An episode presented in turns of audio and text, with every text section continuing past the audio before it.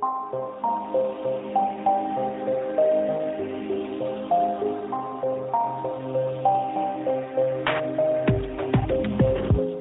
tidspunkt, og rigtig hjertelig velkommen til endnu en herlig, herlig, herlig episode af Noget om Film. I denne dejlige episode, der skal vi anmelde filmen Hosea, en uh, uh, The Bone Woman, tror jeg den hedder, uh, som undertitel. Og uh, vi skal selvfølgelig også tale om alle de dejlige ting, vi har set siden sidst. Uh, jeg er her, jeg hedder Johannes, og med mig har jeg min gode ven og bror, Peter. Hallo. Så uh, Peter, Mm-hmm. før vi går i gang sådan med den, øh, den rigtige, øh, altså sådan the meat and potatoes, så tænker jeg, at der lige er en ting, vi er nødt til at vende her øh, i podcasten. Okay. Øhm, kan du huske, øh, hvordan det er, jeg plejer at købe æg? Jeg aner ikke, hvordan du køber æg, Johannes. Jeg er ikke sikker på, at jeg nogensinde har vidst, hvordan du køber æg. Jeg tror, vi har snakket om det i podcasten tidligere. Det er bare det, altså, jeg skal bare lige vide, er det forkert, hvis man, når man køber æg, øh, bytter æggene rundt i pakkerne for at få de bedste æg? Ja, det er vanvittigt. Hvorfor? Altså, for, for slet ikke bare at tale om, hvor socialt unormalt og måske endda upassende det er, Upassende. så er det også bare vanvittigt. Det er bare æg. Nej, hvad, hvad er det bedste? Hvad er det største? Hvordan... F- Johannes. Johannes. Du er nødt til at love mig, at fremadrettet, når du køber æg, så tager du en bakke æg, kigger allerhøjst lige, at de alle sammen er intakte, og så køber du dem bare. Ej, men det var fordi, jeg kiggede lige i dag, jeg, jeg skulle købe sådan en pakke æg, og så fandt jeg sådan en god øh, pakke æg med store æg, og det, det lød godt, det tænkte jeg, det var, det var fint. Kigger på dem, de ser okay ud, der er lige en af dem, der, der ser ikke helt lige så god som, ud som de andre. Så kigger jeg bare lige over en af de andre pakker, og tænker, det der æg, det ser godt ud, så kan man, lige, så kan man bare lige bytte rundt jo. Jeg tror ikke engang, du må. Hvorfor? Skal ikke bare så pille ved æggene. Der er jo ikke noget seal på æggene, altså det er jo sådan, Nej, præcis. det er jo free for all, Peter. Johannes, du er nødt til at op med det der. Jeg, jeg, Det er ikke. 100% ærligt, hvis jeg så nogen gøre det i supermarkedet, ville jeg være disgusted og vred. Det bare et enkelt æg, Peter. Det kan du, du kan ikke gøre sådan, Johannes. Jeg har muligvis gjort det. Jeg har muligvis ikke. Du har Hvem ved 100%, Peter? selvfølgelig har Hvem du ved gjort det, det men ved det er du nødt til at lade være med at gøre igen. Jeg kan ikke love. Det, det, det er forkert. Det, det kan du ikke gøre. Voksen Jeg er ikke egentlig... øh, Jeg skal til at samle noget af en computer, Peter, nu, og jeg skal prøve at finde ud af at jorde mig selv på en eller anden måde. Kan jeg røre ved et æg, og så blive jordet? Helt sikkert. Bare, Okay. du har, bare du har købt ægget allerede. Okay. Det var derfor, jeg skulle det der særlige æg, der var, der var godt til det, tænker jeg. Ja, ja, ja, ja. Jeg har læst på nettet, at man skal putte et æg sådan ind i hver armhul, når man sidder og samler sådan en computerdel. Det skal man også, men det, skal man, det er generelt sundt jo. Okay. Jamen, det er godt. Ja, altså godt. Nå, men det var lige lille... Øhm, øhm, det var bare lige for, jeg skulle lige høre, Peter. Ja. Men øh, jeg kan godt lide, at du ikke har accepteret mit meget fornuftige svar. Nej, nej, altså, det er jo sådan, jeg gør. Altså, Det er fuldkommen vanvittigt. Det er jo mit liv, altså. Du lever dit liv forkert. Jeg lever mit bedste liv, Peter. Dit bedste, alle i nærheden af dig, mens du køber ægs værste. Jeg får i hvert fald de bedste æg, kan man sige. I guess, but at what cost? Jeg ved det ikke, altså jeg synes bare, det burde være en standard for æg. Det burde være sådan en form, man puttede alle Der er 100% en standard for æg, og æg nej, bliver sorteret efter størrelse. Ja, ja, ja, okay, men der burde være sådan en standard. Hvad siger, snakker her er du sådan, om? Er du, er du fucking sådan- Hercule Poirot? Nej, der skal være... Hvor jeg tænker bare, at det skal være sådan ligesom sådan et gram, der er sådan en standard for et gram, ikke? Altså, der skal være en form, der befinder sig et eller andet sted, måske i Frankrig eller sådan noget, ikke? Og så skal man sådan teste alle æg i den form, for at se, om den passer perfekt. Hvis det ikke passer Nej. perfekt, så er det slut. Johannes, du ved, det der med folk, der prøver at kontrollere alle de små ting i tilværelsen, Ja. øh, altså, det er jo ofte sådan et desperat forsøg på at kon- kontrollere en verden, man har svært ved at acceptere, at man ikke kan kontrollere. Jeg er meget svært ved at acceptere verden. Altså, det fordi verden er meget irriterende. men, altså. øh, Ja, men øh, altså, du ved, nogle ting er uden for ens kontrol, og det er Det er jo okay. ikke uden for min kontrol. Jeg vælger at tage bare et andet æg. Nogle ting bør være uden for din kontrol. Det er muligt. Men så kan de bare prøve at stoppe mig. Og der er ikke nogen, der har stoppet mig endnu. Hvis jeg ser dig gøre det i et supermarked nogensinde, så Ja. ringer jeg til nogen. Jeg ved ikke hvem, men jeg ringer til nogen. Men ringer du til ikke politiet, eller hvad? Altså? Altså straight up politiet måske. Okay, men jeg tror bare ikke, altså, det er jo det der med, der, der mangler en standard. Hvis du nu var en standard, så kunne de forfølge mig, tænker jeg. Altså, udover at jeg tror, politiet vil være rimelig ligeglade, så synes jeg, det ville være ganske fair at forfølge dig bare for at stå og befamle alle æggene i supermarkedet. Det er jo det, jeg, men- det, er jo det, jeg taler om. Det, det er jo hele problemet. Standarden, bare, Johannes, er, at man ikke rører ved æggene. jeg prøver at belyse et reelt problem i samfundet her. Ikke? Det er, Nej, at alle det- har fri adgang til æg. Alle kan gøre det, jeg gør. Jeg vil Ja, godt men det er kun dig, der det, gør vil jeg det. Sige. Det er kun mig, der skal gøre det. det er, kun, det er Nej, min nej, ting. Du, du, så du prøver at gøre opmærksom på et problem, og problemet er dig. Problemet er, at der er jo fri adgang til æg. Man kan åbne pakken og bygge rundt på det. fri det er jo, adgang til at gå ud og myrde folk, men det gør man Man burde jo. Der burde være nogen, der kontrollerede det her marked, Peter. Og jeg tænker, det skal være mig. Nej. Nå. Hvis Jeg det er den sidste form. person, Det er der skal være dig. 3D-platformen. okay, fair nok. Du burde, der burde være en, faktisk en lov om, at du ikke måtte komme i nærheden af æg. Jeg glæder mig til at få mine æg her senere. Det bliver godt. Det er perfekt æg. Så længe du nyder det efter den forfærdelige forbrydelse, du har begået. Jeg nyder det endnu mere. Det, det, det gør det næsten værre, Johannes. Forbudte æg smager bedst, Peter. Det ved alle. Det er jo sådan en, altså, det er jo sådan en børnering. Det, nej, det, du må aldrig sige forbudte æg igen, Johannes. Især ikke med så sulten en stemme. For det, Peter. Jeg elsker bare æg. Clearly. Øh, well, kun nogen æg, åbenbart. Nej, det er rigtigt nok. Altså, det er også fordi, jeg kunne godt tænke mig en dag sådan at prøve bare at spise et råt æg med skal. Men Jeg tør ikke helt. Hvorfor i alverden skulle du spise et råt æg med skal? Alten. Nej, nej, Jørgens. Der er andre måder at få det på. Ja, ja, men det er jo Du skulle godt nok også sørge for at gøre ægget rimelig godt rent, hvis du skulle Jamen, det. det, er det, er derfor, jeg ikke tør, Peter. Men det var derfor, jeg skifter æggene ud. Hvis der lige er sådan lige en lille fjer på den. Det gider jeg ikke. have. Så tager jeg bare et rent æg. Jørgens, de her såkaldt rene æg er heller ikke rene. Ja, fuldstændig rene, Peter. Jeg De er så rene, dem, som de mig. behøver at være, men der er ikke nogen, der forventer, at du går og spiser skallen. Ingen forventer det. Derfor må jeg godt.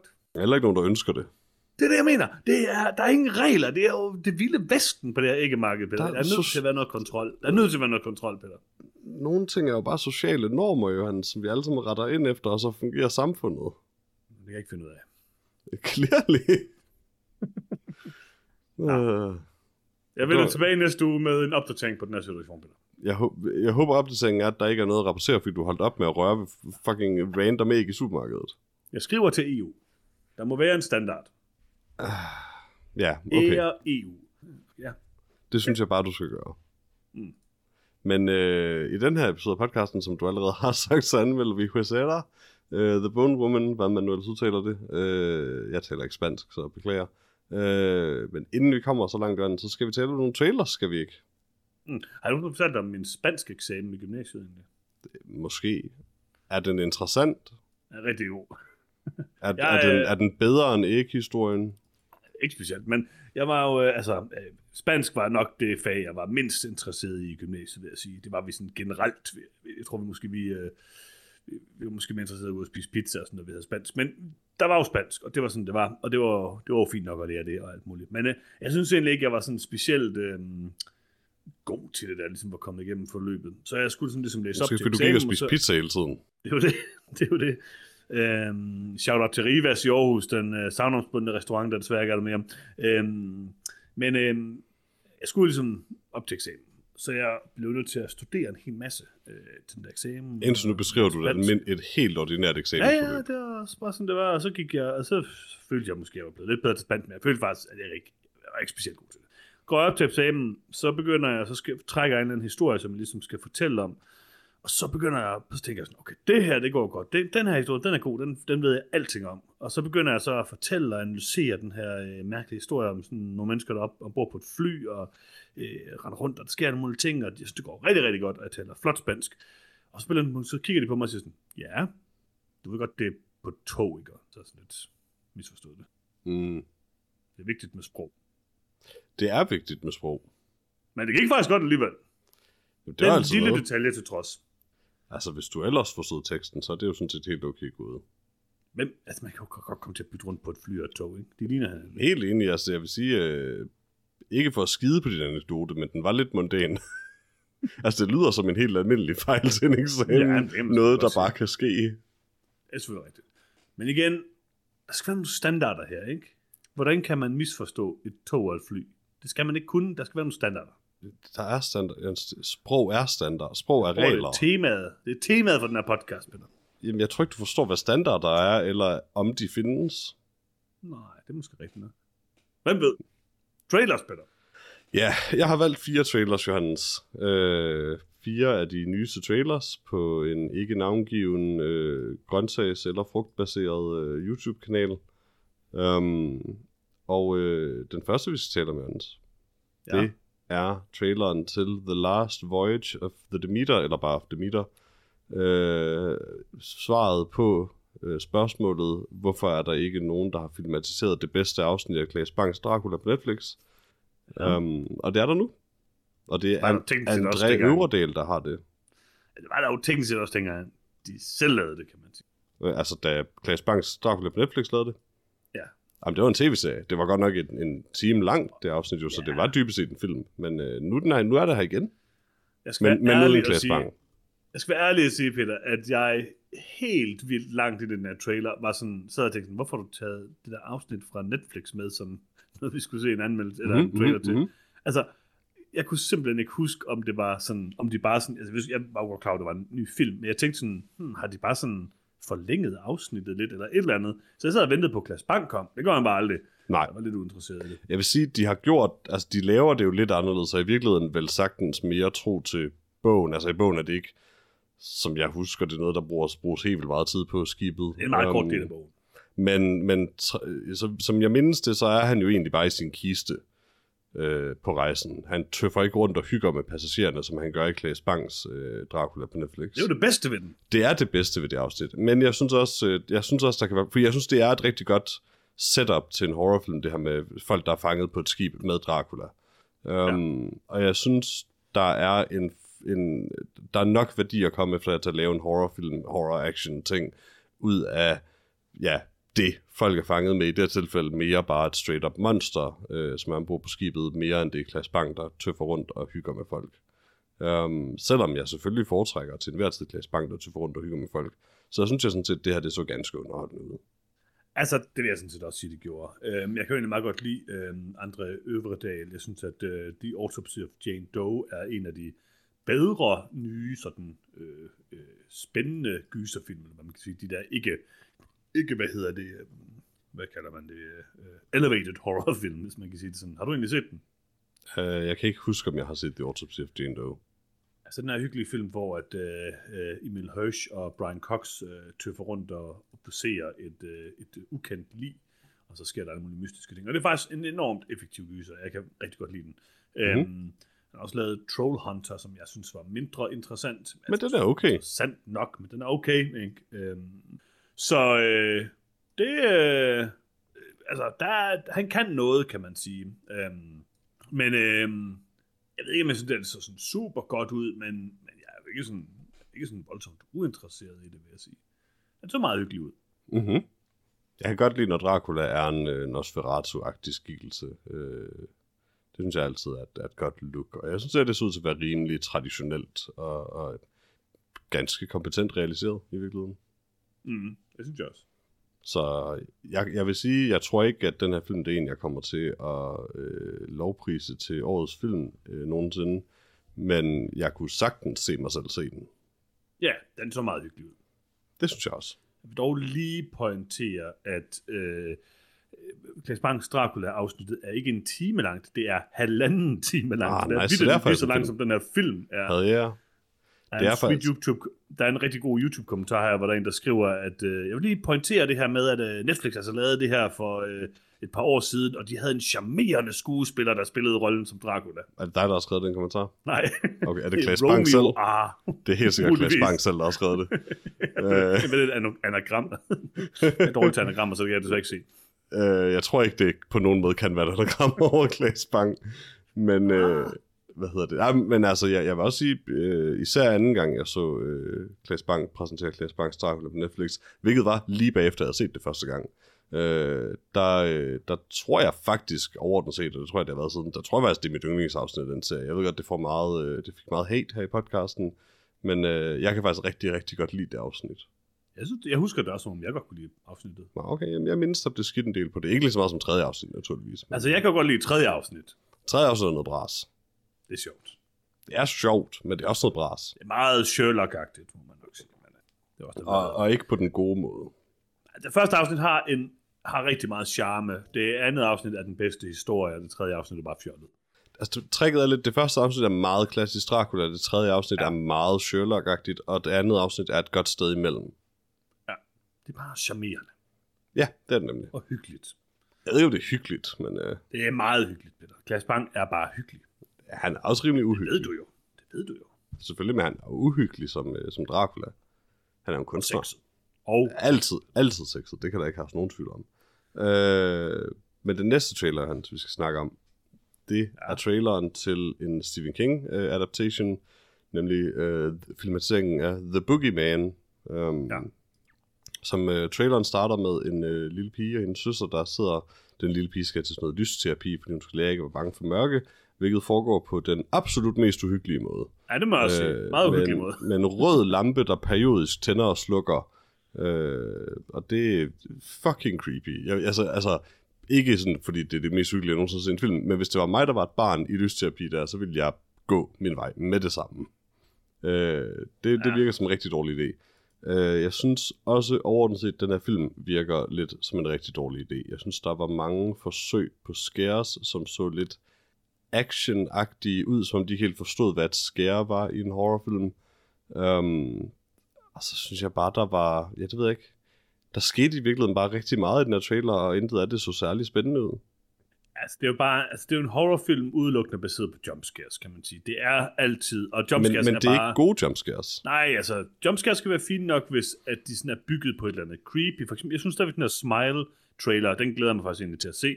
Uh, traileren er sådan rimelig effektiv, fordi den har en masse jumpscares, men, øhm, men hvad hedder det, jeg synes bare ikke, at... Øh, altså, den har ligesom et eller andet creepy tema over sig, det der med, at de smiler på den her måde. Her er Mm. det bare sådan, de står ved en dør, okay, så skete der et eller andet. Noget helt andet, altså der er absolut intet galt i jumpscares heller ikke. Altså det, hvis det er det eneste gyserfilm bruger, kan det godt blive lidt kedeligt jo, men, men de giver i det mindste et chok. Øh, Ja. og, og det her var overhovedet ikke filmet rigtigt til det. Der, der var intet ved det, der gav mig følelsen på nogen måde af en chok-effekt. Jeg tror, det kunne være meget fint, det der, hvor hun lukker døren øh, og brokker sig til søsteren. Det er sådan en meget klassisk jump. Det, det, det synes jeg var det værste. Okay. Nå, okay. faktisk. Nej, Det- jeg det var synes, helt det værste var det med, altså det værste var det med faren og døren. Det er bare et full frame skud af halvdelen af rummet, og en dør, og en person, der står der, og så hopper der nogen gennem døren. Du, du ser alt for meget, scenen er Ja, alt for op. det Der, der er intet uhyggeligt ved scenen. Jeg synes ikke, de var særlig gode, nogen af dem. Jeg havde egentlig også forventet, at der skete noget mere sådan interessant med lampen, kan man sige. Vi, vi kommer tilbage til uh, uh, The OG jumpscare lige om lidt, uh, Peter Mhm. mm-hmm.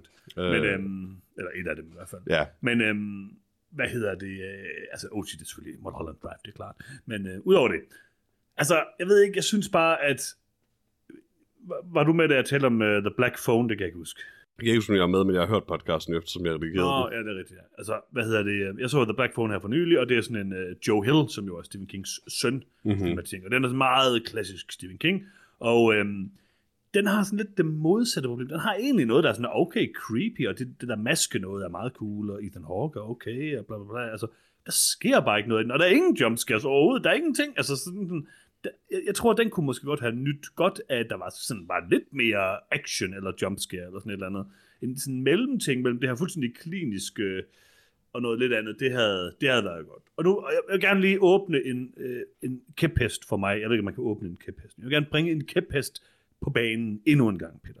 Mhm. Hvorfor ser film så pissegrim ud nu til dags? Og et tilbagevendende tema i det Old trailer. man yelling at clouds.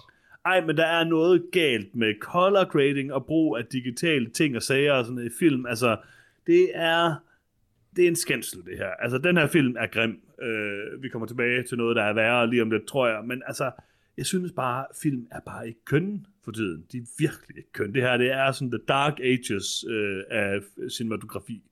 Det tror jeg ikke, du har ret i, Johannes. Jeg tror bare, du vurderer cinematografi lidt for meget ud fra, at det her, og mange af de trailers, vi kigger på i dag, hvis ikke dem alle sammen er rimelig low-budget film sammenlignet, eller i hvert fald enten low-budget, eller ikke særlig kendte eller kompetente instruktører.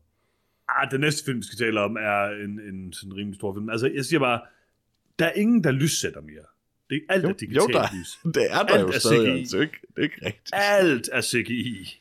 Det er heller ikke rigtigt. Der er men, ingen, der men, men selvfølgelig er der meget mere, der er CGI, end der er praktiske effekter, for det er vanvittigt meget billigere. Nå, nej, nej, men altså også bare, hvis du har sådan en dramafilm, så er halvdelen af det altså også, det skal vi tale om lidt om lidt, halvdelen er altså også kunstigt lys og sådan, og det er bare forfærdeligt.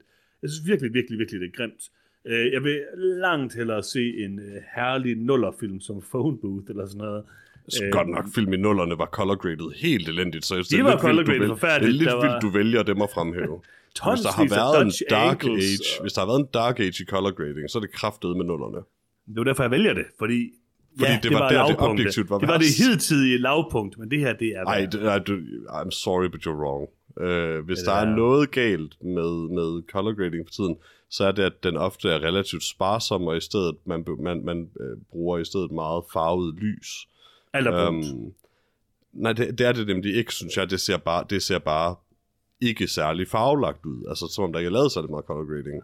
Øh, Netop nullerne var jo det der, men om her, det hele den her scene er grøn, efter, yeah. altså post, post-process grøn, og hele den her scene er post-process brun, og så er der en, der bare er hvid, og altså, it sucked. Det var det værste. Det Det, er i det mindste en stil, Peter. det her er i det mindste bare realfarver. Nej, nej, det var ikke en stil, Det er var ikke farve, det er, det er kunstigt. Det er computer.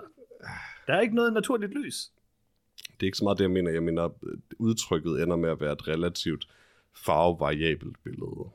Okay. Jeg synes egentlig ikke, det er det. Altså, det er det ikke det værste eksempel, det der trailer-segment. Det kan vi komme tilbage til.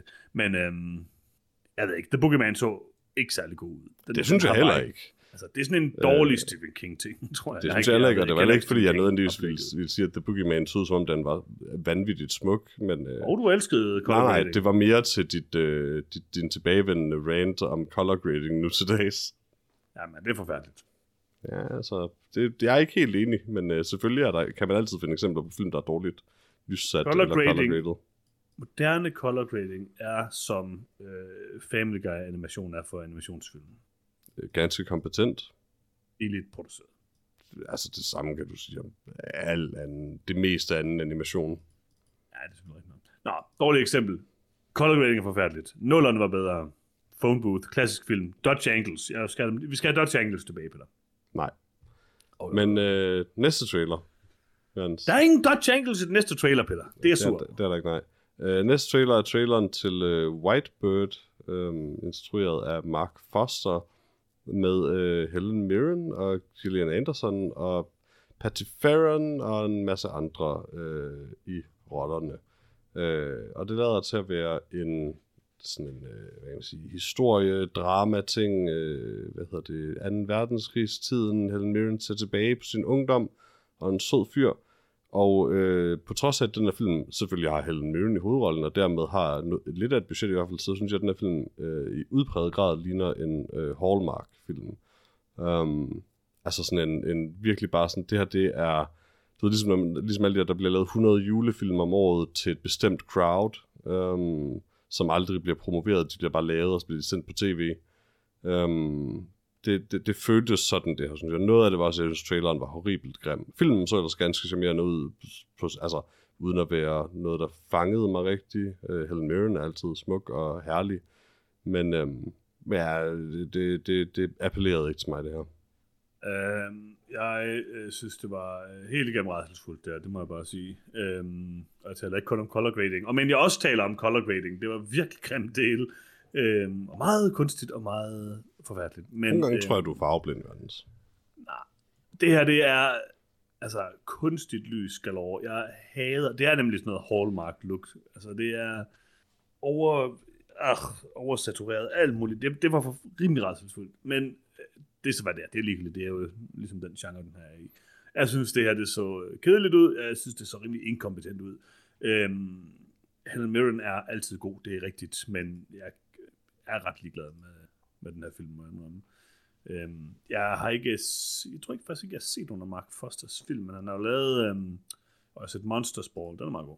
Øhm, men han har lavet Finding Neverland og Stranger Than Fiction, og så har han lavet Quantum of Solace, og her for nylig lavet den der A Man Called Otto med Tom Hanks. Altså han er, og Christopher Robin, som, øh, hvad hedder det, Lars jo elsker, der laver sådan meget de samme film, Christopher Robin giver mening. og det er ikke sådan Altså, han har også lavet World War. Z og Quantum of Solace. det? Det, synes jeg er lidt noget andet, trods alt, end, øh, end Christopher Robin og den her. Jamen, jeg har aldrig set Quantum of Solace, men jeg har set... Det er den øh, dårligste James. Bond-film nogensinde. Det giver mening. Øhm, jeg ved ikke, altså han laver jo meget af sine ting, og det skal han da bare have lov til. Det er bare ikke lige noget for mig, tror jeg. Nej, det er bestemt heller ikke noget for mig. Men øh, nu har vi set traileren da i hvert fald, og det er jo, så ved vi, at vi ikke skal se den. Det er jeg rigtig glad for, Peter. Så vi Det er tage den også sidste trailer. Øh, lad os det, jo. Øh, så kan du lige finde den rigtige, fordi jeg har bare fundet en Insidious-trailer. Øh, IMDb-siden kan jeg, finde, kan jeg se her. Øh, hvad var det nu, den rent faktisk hed? Den hed noget med Insidious. Altså, det er en Insidious-film, og den hedder The Red, Red Insidious Door. The Red Door var det, ja. Øh, Måske finde den på Wikipedia. nej, jeg fandt den på IMDb. Jeg var bare lidt for hurtig til at trykke enter, øh, fordi de begge to hedder Insidious. Øh, men Insidious 5, også kendt som Insidious The Red Door, også kendt som The Red Door. Øh, okay. Endnu en af de her herlige film, hvor Patrick Wilson er med, og man igen igen vil køre på hele det her, de her fucking paranormal investigators, der skammede sig igennem et liv. Um, Nej, jeg tror ikke, det er de samme mennesker.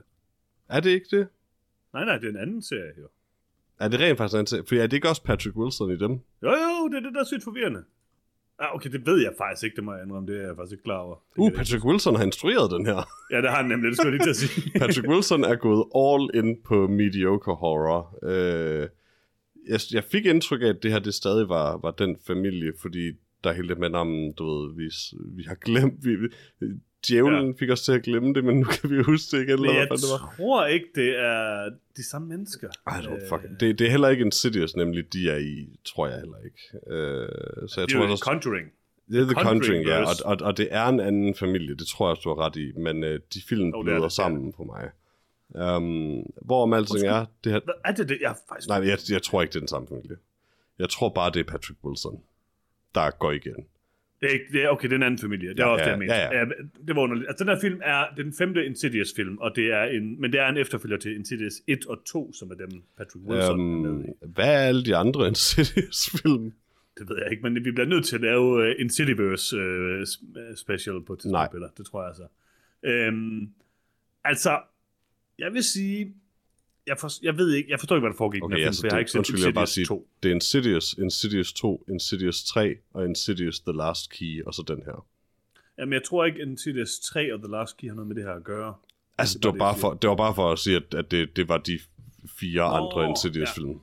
Men men jeg, og jeg må indrømme, det undrer mig lidt, fordi jeg sad og så den trailer, og jeg faldt ikke en brik af den, og jeg har trods alt set en Insidious. Men øhm, altså, der må være sket et eller andet i toeren, men det er jo den, det er jo den drengen fra den første film, kan man sige. Jeg ved ikke, altså, Insidious var sådan, jeg husker den som var sådan ret kedelig, indtil der lige pludselig sker en hel masse til sidst. Sådan lidt ligesom The Conjuring, men så har den jo bare det der ekstremt effektive uh, silent jumpscare med den der mærkelige uh, nisse på et tidspunkt. Og Insidious var helt okay. Altså, Insidious, Insidious er okay, altså. Den er Insidious er lidt kedelig, har et fremragende jumpscare.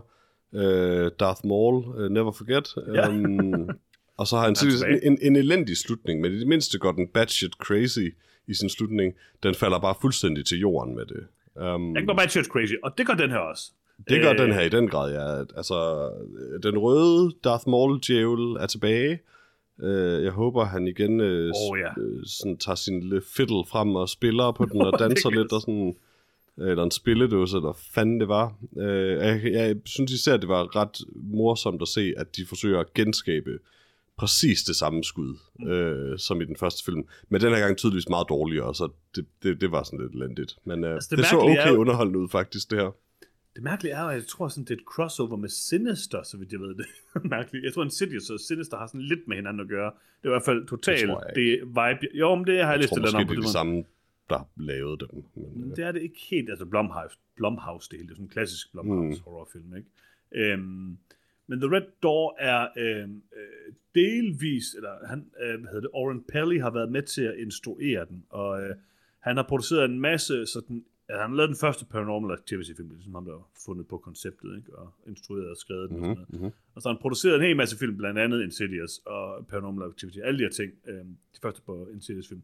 Han har også lavet sådan nogle film, eller produceret nogle film, jeg egentlig meget godt kan lide, med øh, Chernobyl Diaries og Lords of Salem og sådan noget. Så altså, der er nogle folk bag det her, de øh, hyper jo også, at øh, James Wan er med. Jeg troede sådan set, det var ham, der instruerede den, øh, så meget som de Apparently not.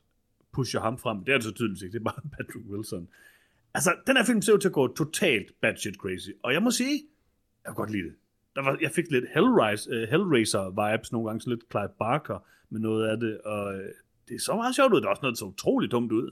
Men øh, ja, altså, jeg kunne da godt være hugt på at se alle Insidious-filmene på et eller andet Ja, tidspunkt. det fra kunne jeg bestemt ikke, men jeg kunne godt, Åh, det kunne jeg se- godt være jeg kunne godt finde, være, være villig til at se den her. Jeg synes også, Ja, den så ja, ganske ja. underholdende ud. Jeg har, er ikke så interesseret i Insidious generelt, at jeg hverken gider gense etteren, for slet ikke at tale om at se alle de andre. Overvej lidt at præ-iPuff den her, Peter, men jeg har jo heldigvis brugt min iPuff. Det ville også være direkte dumt at den her. Det kan jeg Det godt love det dig. Det vil det være, ja. Den, den skal nok blive ganske underholdende, men øh, årets film bliver det næppe. Har du nogensinde fået set Malicious? Det kan jeg ikke huske. Hvad er Malicious? Øh, Du vil vide det, hvis du har set Malicious. Men, øh, nej, undskyld, Malignant.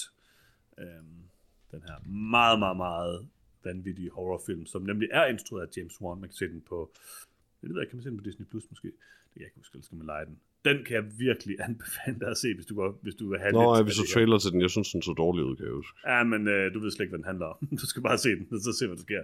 Det er øh, interessant. Den er 100% Du har, ikke en, du har ikke den bedste track record for mig med at anbefale mig horrorfilm. Um, Jeg jeg tror du faktisk, anbefalede ville mig As Above. So Below i sin tid. Det gør stadig ondt. Ja, okay. Men altså, Aldrig det har jeg kedet mig så meget igennem en horrorfilm. Jeg kan lide den. Det er, jeg har faktisk ikke genset den. Det er James Wan, og altså det er James Wan, og han er bedst. Han kan godt nogle ting. Altså, han kan, han kan gå full out crazy, og det, det gør han også der. Alright. Mm, mm. Men ja, Insidious 5 eller Insidious The Red Door så i hvert fald øh, moderat underholdende ud, og det er altid dejligt at gense øh, Night Owl, Patrick Wilson, øh, i nogen som helst film. Øh, det er lidt trist, at han ikke taler om græs den her gang, men, øh, men det er glad for. mindre kan også gøre det. Jeg ved ikke, hvorfor jeg anbefalede, at vi skulle anmelde den her film, Peter. Det havde jeg, ikke, jeg vidste ikke, hvad den handlede om. Jeg har bare hørt, den skulle være god. Huesera? Mm-hmm. Nå, jeg gik ud fra, at du, øh, altså, du har, jeg, jeg tænkte så meget som du sådan, altså hyperfixerer, når film handler om børn, så, så, så går det sådan lidt, for jeg tror, var det ikke også dig, der anbefalede Breeder? Jo, men jeg vidste heller ikke helt, hvad den handlede om. øh, det er sådan lidt, øh, jeg tror faktisk sågar også, det var dig, der valgte In the Tall Grass. Jeg tror, alle Ja, de her ved film ikke, med børn, som om. du ender med at have det svært med, er film, du Ja. selv vælger. Men det er jeg klar over. Øh, jeg kunne sagtens leve uden at se film om børn. Um, det var jeg også. på alle ting, med. Altså, børn i film er ganske kedelige det meste af tiden. Um, men øh, Bortset fra i den 6. sans. Især i den 6. sans måske. Og i The Phantom Menace. Ikke, ej, jeg glemt. The Phantom Menace er fantastisk. Now this is pod racing. Um, men øh, det var de fire trailers, vi havde til i dag, Johannes. Og øh, jeg tænker, at vi skal have vores pick of the week. Ja. Øh, jeg vil gerne starte. Jeg vil gerne starte Ja. med at vælge The Last Voyage of the Demeter. Øh, Hmm. Dels fordi den, jeg er helt sikker på, at jeg kommer til at se på et tidspunkt. Øh, dels fordi jeg er en sokker for Dracula og alt, hvad der har med vampyrer at gøre. Um, og dels fordi det minder mig om gode gamle Klaas Bang præsenterer Klaas Bangs Dracula på Netflix med Klaas Bang. Tror du ikke bare, du kommer til at være skuffet over, at han ikke er med? Nej, det, altså fordi jeg kan altid gå, gå hen og se Klaas Bang præsentere Klaas Bangs Dracula på Netflix igen. Hvis den nogensinde forsvinder fra Netflix, så er det i hvert fald, altså så kan Netflix lige så godt pakke sammen. med det. Altså, så, så, så begynder jeg at torrente endelig. Hvis der er noget, der kommer til at torrente, så er det det. Som din advokat, så vil jeg gerne øh, fraråde dig og udtale dig om det der, Peter. Jeg står ved det. Øhm, En, hver, en, ingen domstol vil dømme mig for at have torrentet Klaas Bang præsentere Klaas Bangs Dracula på Netflix. det er jo det. Der mangler nogle standarder for det her, Peter. Nå, øhm, det er jo ikke nogen overraskelse, at jeg vælger uh, Insidious The Red Door. Jeg vil gerne lige uh, også pointere, at det er, det er jo herlig color grading. Det er Alright. et ekstrem color grading, men det er sjovt. It's, øh, hvis der faktisk var en film af dem her, der lignede lidt en nullerfilm, så var det Insidious The Red Door. Ja, vi- vi glemte faktisk at snakke om én ting med Voyage of the Demeter, Peter. Jeg synes faktisk, det er lidt vigtigt. Ja, Smashing Pumpkins, Bullet with Butterfly Wings. Hvad jeg synes, det er okay. her? Jeg synes, det er okay. Altså, det, jeg synes, den får et pass, fordi det passer så godt. Præcis. Ja, det var meget cool, da han stod op og kiggede ned. Altså, teksten passer faktisk, altså, udover teksten ikke, over det passer, der er nok buzzwords i den, der passer på settingen. Både til Rat in Cage og Vampire, altså det, it works. Jeg synes Det slet var, ikke, det var, det var okay. Det var okay. Altså, øh, alle ved jo, og det ved dem, der gør det her også jo, at det skal mest bare være sjovt at lave det her, de her trailerificeringer af sangen. Um, Ja. og, og, og, den her tager bestemt tydeligvis heller ikke sig selv alt for alvorligt. Den rammer alle, den tigger alle boksene for, hvad en trailer, trailer-version sige. af en sang skal være. Uh, og Altså, det var sige- ganske underholdende.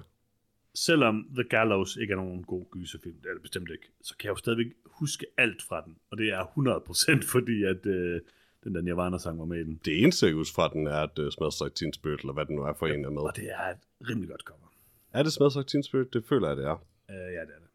jeg mindes også, der er scener i filmen, fordi det foregår på en high school, gør det ikke? Jo. Som sådan ret meget bare ligner musikvideoen til Smells Like Teen Spirit. Det er der også. Jeg kunne faktisk godt tænke mig at genbesøge The Gallows.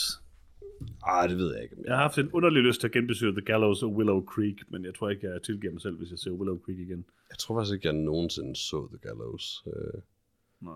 Jeg kan bare huske traileren af en eller anden grund. Ja. Ja, Jamen, det, oh well. det er en god trailer. Det er en god trailer. Hvad var det, du valgte? Insidious, The Red Door. Alright. Også et fornuftigt valg. Det var mellem de to helt sikkert. Mm. Lord knows, at det ikke var White Bird i hvert fald. Det kan vi godt være enige om. Ben. Den så kedelig ud. Det gjorde den. Og vi med, film? det synes jeg da, med det, med det trailer segment overstået, lad os få anmeldt filmen. Det Øh, er en god idé. vi skal, tak. og i lige måde.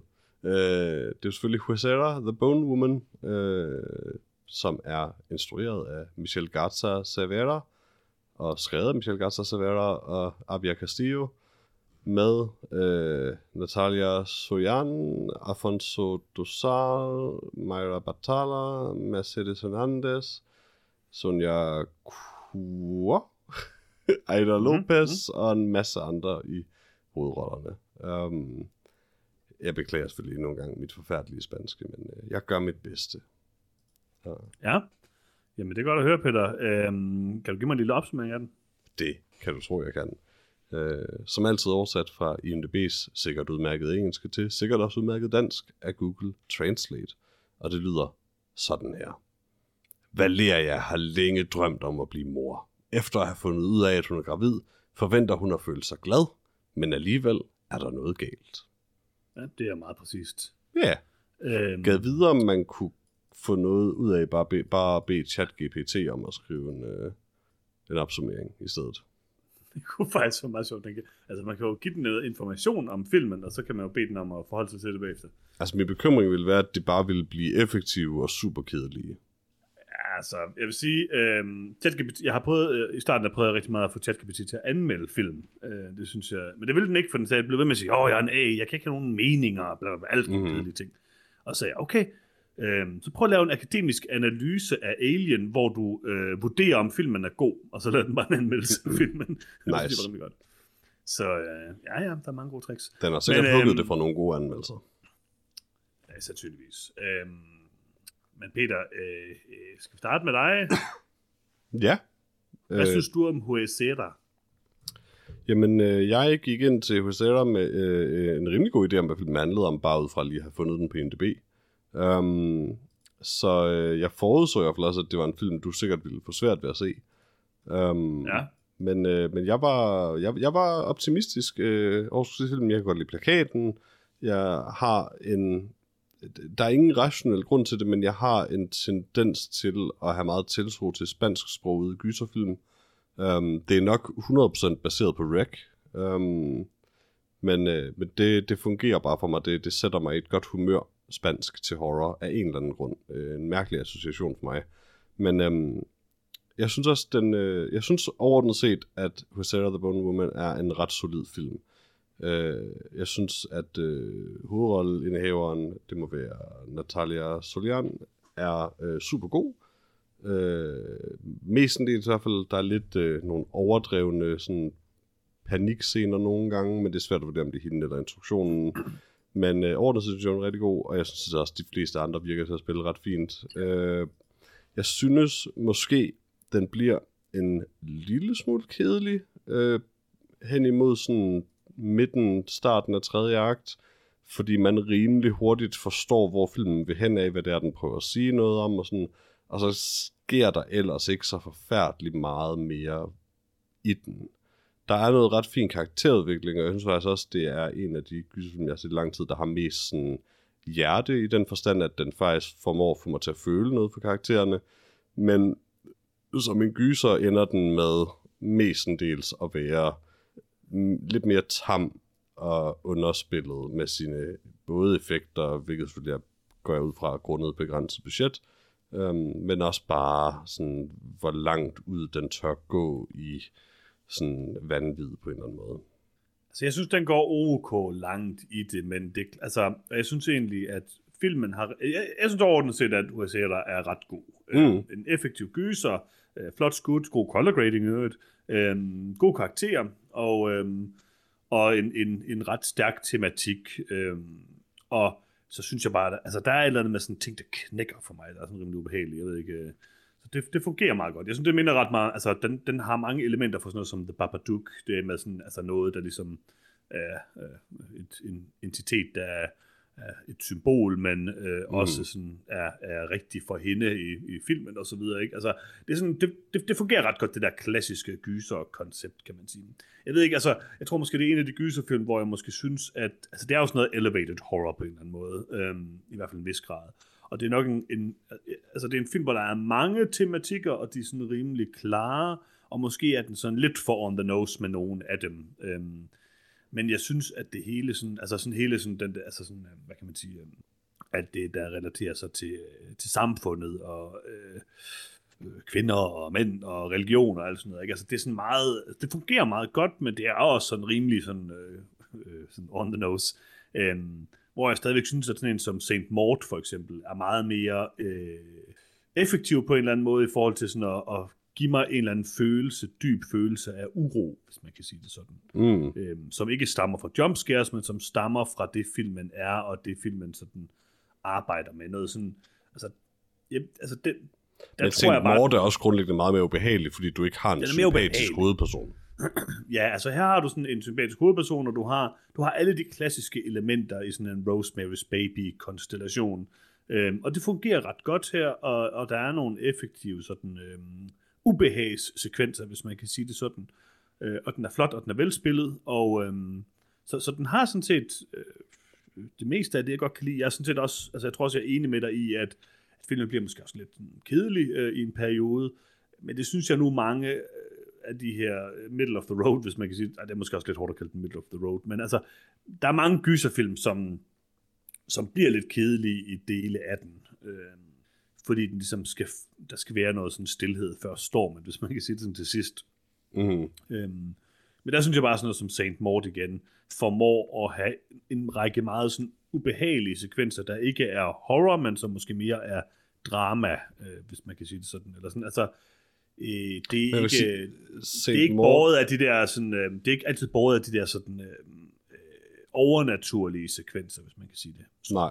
Men jeg vil sige, Saint Mort har også det altså har en anden trykkende stemning, der netop kan få lov at bygge hele vejen igennem, fordi du udmærket godt ved, at det kommer kun til at ende galt i den film. Det er ret tydeligt fra starten af, at det, det, den film får ikke en happy ending på nogen mm, måde. Mm, mm. Um, så man sidder jo også bare lidt og venter på, hvor galt det kan blive i den film. Hvor her, og, og det synes jeg på nogen måde også taler til den films fordel, fordi det er sådan set også, altså jeg kan enormt godt lide hovedpersonen. Uh, jeg kan godt lide uh, hendes hvad kan man sige, det, det man får af hendes forhold til hendes tidligere kæreste, øhm, som jo også sådan spillede ret fint, og sådan, jeg synes, der er, der er en ret sød historie der, sådan set, og en meget menneskelig historie i det. Ja. Øh, så man, man kunne selvfølgelig godt lidt komme til at sidde og gro for, hvor galt det her det kunne gå, men jeg havde bare sådan lidt en fornemmelse at det kom nok ikke til at gå så galt i den her, i virkeligheden. Um, for det føles bare ikke helt som den film, så, så på den måde taber den jo lidt øh, fart som gyserfilm et eller andet sted. Fordi man, man har sådan en klar fornemmelse, klar fornemmelse af, at det løser sig nok. Ja, altså det, ja, det, det er måske egentlig faktisk meget det, som... Øh, det ved jeg ikke, det havde måske lidt svært ved at sætte fingeren på, men det tror jeg sådan set, du har ret i, at det ikke... Den, den, på en eller anden måde formår den ikke at skabe det samme ubehag i mig, som mange af de andre. Og, mm-hmm. øh, og jeg ved ikke, altså der er jo også, øh, altså, In the Tall Grass, dårlig som den er, den handler jo ikke om det samme. Den, den rørte noget øh, i, i mig, og det var selvfølgelig også fordi, der var en, periode, bestemt periode af mit liv og sådan noget. Mm-hmm. Øhm, altså, altså Breeder går også meget, meget, meget længere. Ikke at det er en god ting, det er ikke en lige så film overhovedet som Huesera. Mm. Men Huesera er sådan lidt, det, det er sådan, hvis jeg skal være en lille smule hård, så er den sådan på kanten mellem Elevated Horror og The Curse of La Llorona eller sådan noget. Øhm, og det er ikke nødvendigvis dårligt, det kan jeg sådan set meget godt lide. Øhm, og, og jeg synes også, at de her spanske gyserfilm har virkelig en charme, og noget, jeg rigtig godt kan lide. Jeg synes faktisk også måske at specifikt, at de spanske gyserfilm, minus Rec, øh, har det der problem med, at de bliver sådan lidt kedelige i en fase af filmen. Øhm, øh, men overordnet set synes jeg, at den er rigtig god, og jeg synes overordnet set, det der, det der fungerer bedst, er, at den er rigtig velspillet. Mm. Det er en meget, meget, meget kompetent horrorfilm. Det er en god horrorfilm. Jeg tror, det er en horrorfilm, som, som alle et eller andet sted vil kunne se. Det er ikke en Det tror jeg bestemt også. Altså, det, det, er sådan en, øhm, det er sådan en god film at se sammen for, øh, med sin kæreste eller kone, eller sådan noget, tænker jeg, fordi der er noget at tale om, og, øh, og den har det der element, som jeg jo rigtig godt kan lide ved horror, hvor der ligesom er noget dybere på spil. Det er bare ikke helt så øh, obskurt, eller øh, ja, som du siger, mørkt og dystert, som i sådan noget som Saint Maud, eller, Mhm. mm-hmm. eller, eller Goodbye. Nej, det er på en eller anden måde meget... Øh, I virkeligheden er det jo meget mundant, det den taler om. Altså, og det er ikke en skidt ting, men den taler, det, det, det, den taler om, er jo bare almindelige menneskelige oplevelser. Mm. Øh, men særligt almindelige menneskelige oplevelser, som mange kvinder ikke bliver hørt i. Um, Ja. Så på den måde er det jo stadig enormt øh, altså, tydeligt dybtfølt og ma- altså vigtigt. Øh, så det er jo slet ikke for at tage fra det på den måde. Men jeg, netop er det sådan set også lidt en, en, en kompliment, at, at, at det er noget, jeg tror rigtig, rigtig, rigtig mange mennesker vil kunne empatisere med. Øh, og Mm altså, det er virkelig den her films største styrke, synes jeg, det er, hvor godt den gør sig som en film, og så en horrorfilm sekundært. Øh, altså, det mest interessante ved den er karaktererne, øh, deres indbyrdes forhold, ud, hendes udvikling. Øh, og det ville sådan set have, langt den her vejen have været tæt på lige så godt uden horror-elementerne. Horror-elementerne understøtter det jo selvfølgelig, men, øh, men, men de er for en gang skyld, eller det er sjældent i hvert fald, øh, ikke hvad kan man sige, stjernen i filmen i virkeligheden Mm. overhovedet. Ja, altså, øhm, det, det, det er jeg meget enig med dig i. Og jeg synes overordnet set, det er en, øh, en meget velfungerende gyserfilm. Øhm, til tider til den lidt kedelige side, men til andre tider også meget, meget, meget øh, velfungerende og velspillet, og også til tider ret ubehagelig, vil jeg sige. Der er i hvert fald en enkelt scene, hvor den når at blive... Det er, det er den eneste gang i filmen, hvor jeg bliver lidt i tvivl om, hvor det faktisk er, den er på vej henad. Øh, og hvis ikke det var fordi, at jeg kunne se, hvor lang tid der var tilbage af filmen på det tidspunkt, så havde jeg så kunne jeg godt have været for lidt til at tro, at det måske bare var sådan, den sluttede. Øh, med ja. Det hele baby monitor øh, sekvensen. Um, altså en, en, en mere sent mordagtig film havde sluttet med det. Um, og det havde jo været øh, ekstremt ubehageligt. Um, Ja. men, øh, men, men, men den her film vender, vender det jo så. Men, men det er så også, synes jeg, den mest effektive horror-sekvens i filmen. Også bare i forhold til kameraføring. Den gør noget, den, den laver et ganske fint skud af hende, der ligger i sengen, hvor du kan se skærmen på, på monitoren der. Sådan. Det er, det, det, det er rimelig god horror øh, cinematografi, øh, sådan set. Og det synes jeg ikke altid er tilfældet i de andre scener. Det er fin horror cinematografi i de andre scener, men hvor den store, hvad kan man sige, horror klimaks er kreativt, så det er ikke sådan noget, der Ja. på nogen måde rører mig, mens jeg sidder og ser det. Mm. Andet end, at det var sjovt fundet på. Enig. Meget enig. Skal vi give nogle karakterer, Peter? Det tænker jeg. Skal jeg starte?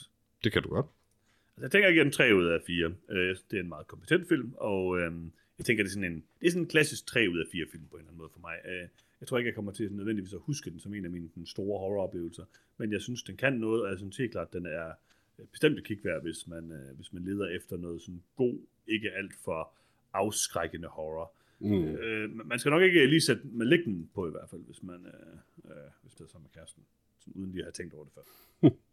Jeg kan godt lide den her verden, du har, hvor der er horrorfilm, man selv kan se, og der er horrorfilm, man kan se med kærester. Det Sådan, kærester som en entitet er dårligere til at se horrorfilm, end man selv min er. kone, som egentlig er bedre til at se horrorfilm, end jeg selv er. Men Mm. øhm, Så det er i virkeligheden dig, der er kæresten. ja, det er muligt. Hvad giver du øh, øh, HC der, Øh, jeg giver HSL'er øh, 3 ud af 4 også. Øh, bestemt heller ikke, hvad kan man sige, fordi den har rystet min verden. Og for den sags skyld, hvis jeg skal være ærlig heller så ved jeg også godt, at det er en horrorfilm, jeg, kommer ikke, jeg ikke kommer til at se igen. Um, men det gør mig heller ikke noget. Jeg var sådan set glad for at se den, øh, og underholdt øh, igennem den. Og altså, afhængig af, hvor skuffende året bliver, så kan den stadig sagtens nå at snise snige sig op på min top 10.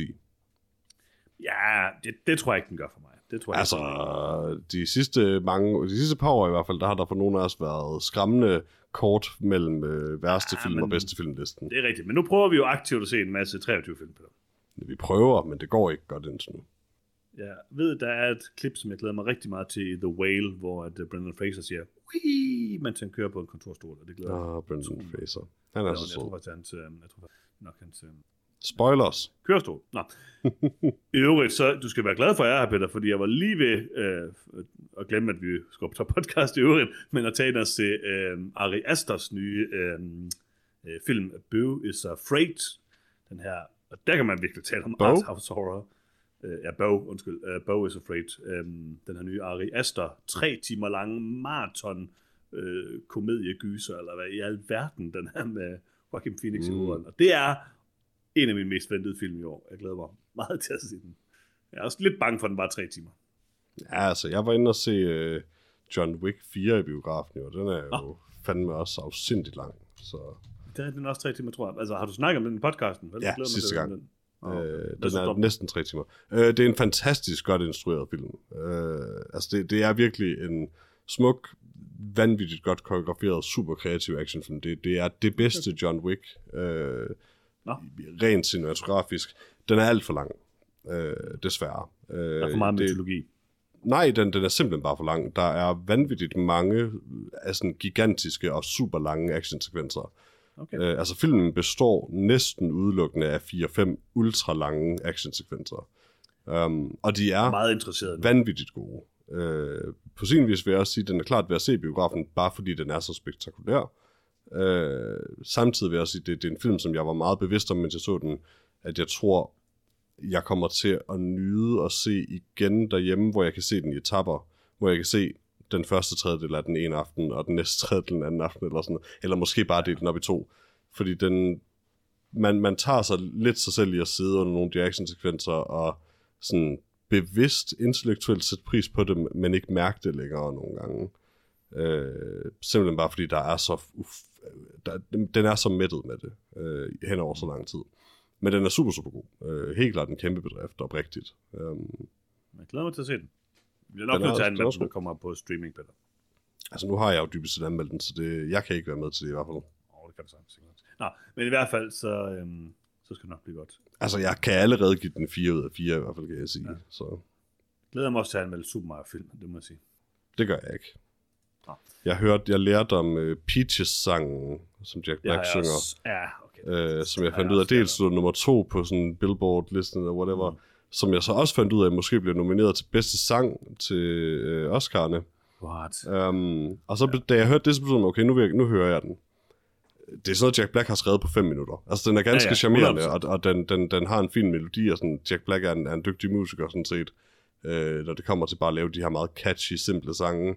Men den er også vanvittigt simpel, og i øvrigt under to minutter lang. Ja. Har du set videoen? ja, ja, ja. Det er Den er herlig, den er herlig, altså. Prøver. Ej, det er ham, der ikke prøver. Ej, han har det sjovt med det. Han, det synes jeg. Han, er, han har det sjovt, men han er ligeglad. Det Tydeligt tror jeg ikke. Så, så ekstremt meget promotion, han har lavet for den film, så tror jeg absolut ikke, han er ligeglad. Ja, Jack Black er bare en livsnyder. Det her, det er The Dollar Bill, Peter, der taler. Det tror jeg ikke. Jeg, jeg tror helt oprigtigt, Jack Black er og altid har været en mand, der bare laver, eller særligt nu faktisk mere, end da han lavede sådan noget som The Holiday, som ellers er en fin film, men jeg tror bare, han laver ting, han synes er sjove at lave. Jeg, jeg, det, jeg, jeg har virkelig oprigtigt indtryk af, at han har haft det super sjovt med at lave det, og det er derfor, han lavede det. Jeg ved det ikke. Er Jack Black en fremragende stemmeskuespiller? Nej, absolut ikke. Men øh, det er også en fejl at lave en animationsfilm og udelukkende bruge folk, der ikke er stemmeskuespillere. Men øh, Det må man sige, det er. Jeg vil sige, han er, faktisk, en- han, er faktisk, han er faktisk en ganske udmærket stemmeskuespiller i Kung Fu Panda, men jeg bryder mig ikke om hans pauser. Jeg har ikke hørt det så meget i hvert fald, kun i den her sang. Peter, jeg har lige et breaking news her. ja, Jeg har noget, jeg er nødt til at læse op. alright. Til den europæiske unions domstol. Oh Kære God, højt ærede dommer den europæiske unions domstol. Jeg skriver til den for at udtrykke min bekymring angående manglen på standarder for størrelsen på æg i EU, og jeg plæderer for, at der bør indføres sådanne standarder. Æg er en vigtig kilde til næring og en central ingrediens i mange opskrifter og fødevareprodukter. Øh, så har Fuck, hvor jeg elsker, når ChatGPT bare inkluderer en sætning, der er fuldkommen ligegyldig. Det må man sige, ja.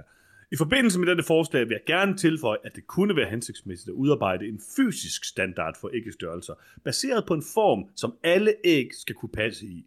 Denne form kan bruges til at evaluere, om æggene opfylder de angivende størrelsesstandarder. Den fysiske form vil kunne tjene som en universel reference, der eliminerer tvivl og uoverensstemmelser i æggestørrelser og sikrer nøjagtigheden af de angivne mål. For at sikre formens integritet og autenticitet, kunne den opbevares i en bankboks i Frankrig, et centralt beliggende EU-land med stærke traditioner for madkultur og gastronomi. Denne placering kunne fungere som et neutralt og sikkert sted for opbevaring af formen, hvorfra den kan udlånes til autoriserede, det er det der med standarder, ikke? institutioner og virksomheder i EU til kontrol og inspektion af æggestørrelser. Og så er der meget mere, der er meget mere, Peter. Det er jo et langt brev, det her, ikke? Jeg vil gerne øh, på vegne af hele podcasten undskylde til vores lyttere for, at vi øh, har spildt jeres sidste par minutter med Johannes' øh, meget kedelige øh, lydbog, skrevet af ChatGPT og læst højt af Johannes.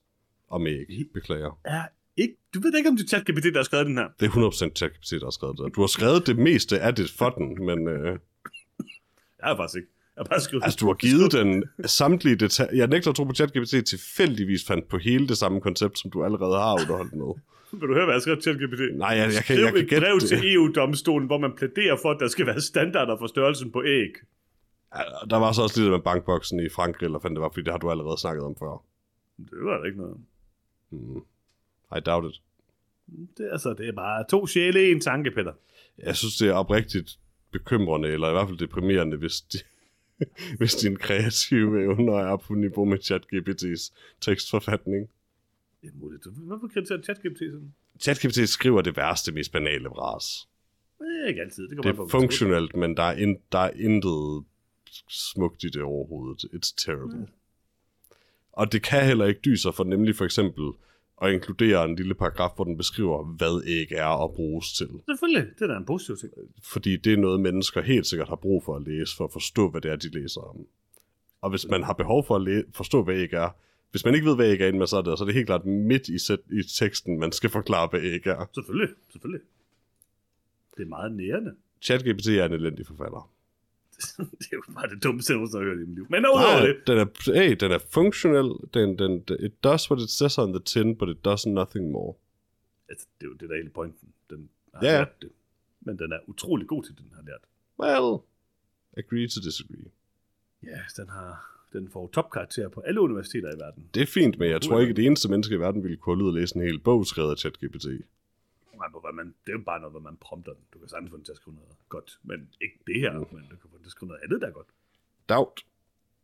Jeg kan sende dig linket til den uh, Nej, det behøver du virkelig og se, om ikke. man kan, chat, om man ikke. kan gennemskue, om man chatter med et menneske eller med ChatGPT. Det er ikke det, Det er sjovt, det, er ikke det vi drøfter heller ikke, men, øh, men det behøver du heller ikke. Nej, nej, det er fint. Nå, Peter, øh, hvad har du set siden sidst?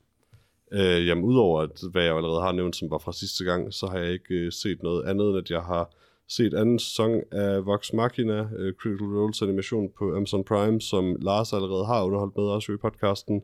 Um, Det er Critical Roles, animeret D&D-serie. Um, anden sæson af det på Amazon Prime. Uh, dyrt produceret, uh, flot animeret, uh, ganske underholdende. Hvis man kan lide Dungeons and Dragons, uh, eller hvis man bare kan lide action animationsserier, lidt ala Avatar The Last Airbender, i hvert fald i stil og animation. Um, ikke lige stemning. Det er mere, hvad man sige, mature content, eller man skal kalde det her. Der er mere fuck og blod. Um, men øh, så, så kan jeg varmt anbefale det. Er ganske underholdende. Mm. Uh, jeg har kun set én ting. Jeg har set uh, Bones and All, som uh, du og Lars anmeldte i Ja. sidste uge. Og uh, det er jo en af mine yndlingsinstruktører, som jeg dog ikke tør prøve at udtale navnet på. Uh, Luca, uh, det gør så alligevel. Uh, Luca Guadagnino, uh, et eller andet, den dur. Close enough. Ja, øh, som har lavet øh, remake af Suspiria og øh, Call Me By Your Name og øh, alle mulige forskellige ting. Nogle vil mene, at det er mærkeligt, at han har lavet to film, hvor der er en kannibal, der spiller over for Timothy Chalamet, men øh, ud af det. Øh, Well, kun en af dem var det en rigtig kannibal. Ja, det er selvfølgelig rigtigt. Det, er- det er en god pointe, Peter. Øhm, jeg glæder mig rigtig meget til The Bones and All. Jeg har hørt sådan lidt blandede ting om, nogen synes, det var den bedste film sidste år, og nogen synes, at den var lidt kedelig. Øhm, jeg synes, Bones and All var øh, fantastisk. Jeg var helt vild med den. Øhm, jeg synes virkelig, at øh, min gode ven Luca kan øh, noget øh, cinematografisk øh, og en, øh, øh, som instruktør. Og øh, jeg synes bare, at det var en... Øh, meget, meget, meget øh, stemningsfuld og til tider ekstremt intens og i øvrigt ekstremt ubehagelig til tider øh, øh, film. Jeg synes, der er Mhm. nogle virkelig, virkelig stærke scener i den. Øh, særligt øh, mødet med moren øh, øh, er meget, meget intenst.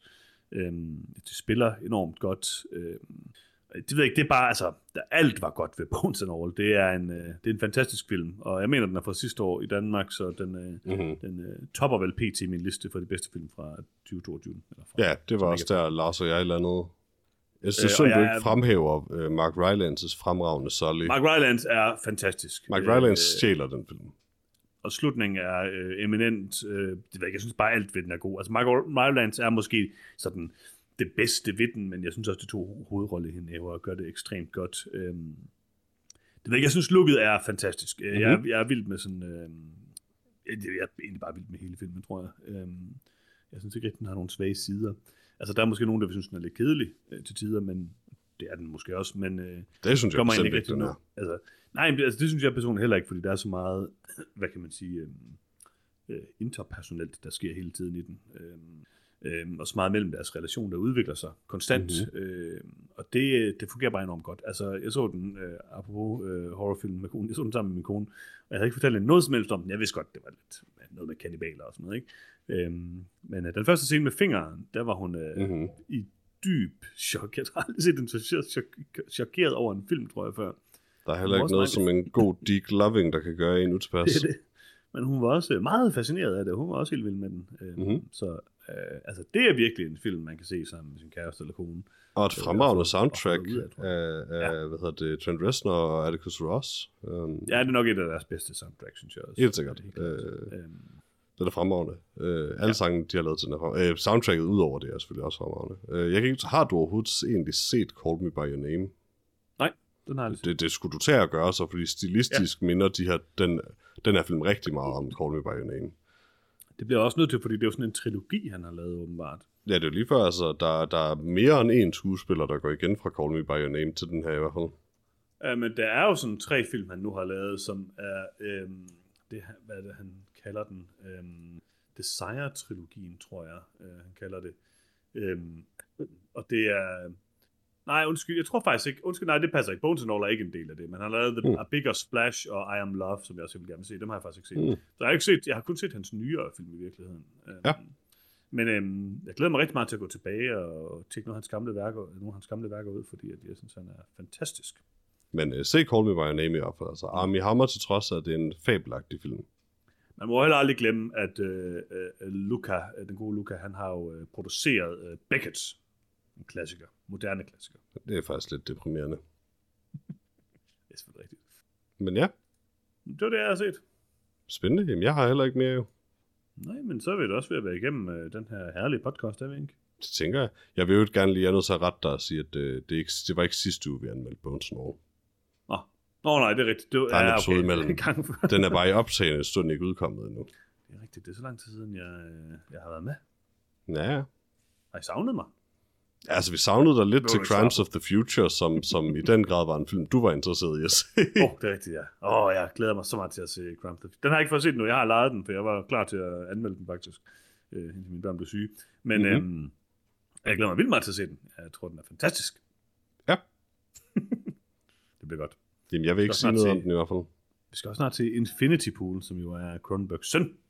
Antiviral øh, gutten.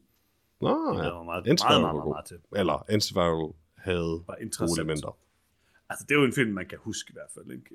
Øh, det- jeg kan faktisk ikke huske så forfærdeligt meget andet end uh, Malcolm McDowells briller, eller hvem det er, der har mærkelige briller på filmen.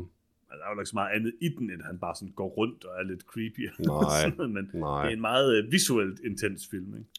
Ja, i hvert fald til tider. Eller det, det er den vist egentlig hele vejen igennem. Jeg kan ikke huske, om den var så god, men den, den var... Så jeg den, har aldrig fået set Possessor, og det glæder jeg mig sygt meget til. Den burde jeg bare sådan... Det kan jeg heller ikke huske, om jeg har set. Det Som tror jeg, forberedelse til Infinity Pool.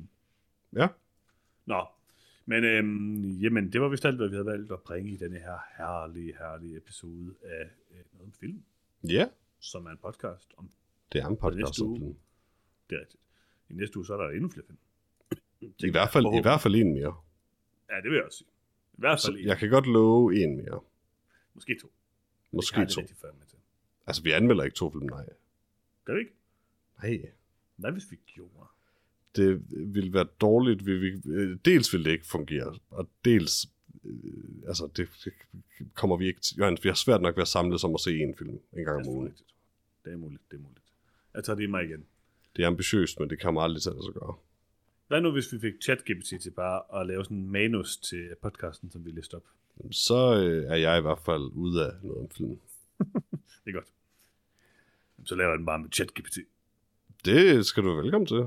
Jeg træner en anden AI med din stemme, og så øh, laver jeg bare AI Peter, der kan sidde og sige forskellige ting. Altså, det må du ikke. Det må jeg da selv om. Det må du da i hvert fald ikke. Det er derfor, der mangler nogle standarder for den slags spil. Også for AI. Brugen af AI. Øh, øh, Og det her har været temaet for denne episode om film. Standarder. hver gang og du er med. På samme. Nå nej, altså temaet er altid AI, når du er med. Er selvfølgelig rigtigt. Men, øhm, men ja, øh, husk at du kan finde os på soundcloud.com slash noget om film, og ikke længere på nogetomfilm.com. Måske i hvert fald ikke længere. Den, øh, hvis ikke den allerede er nedlagt, så bliver den det i hvert fald.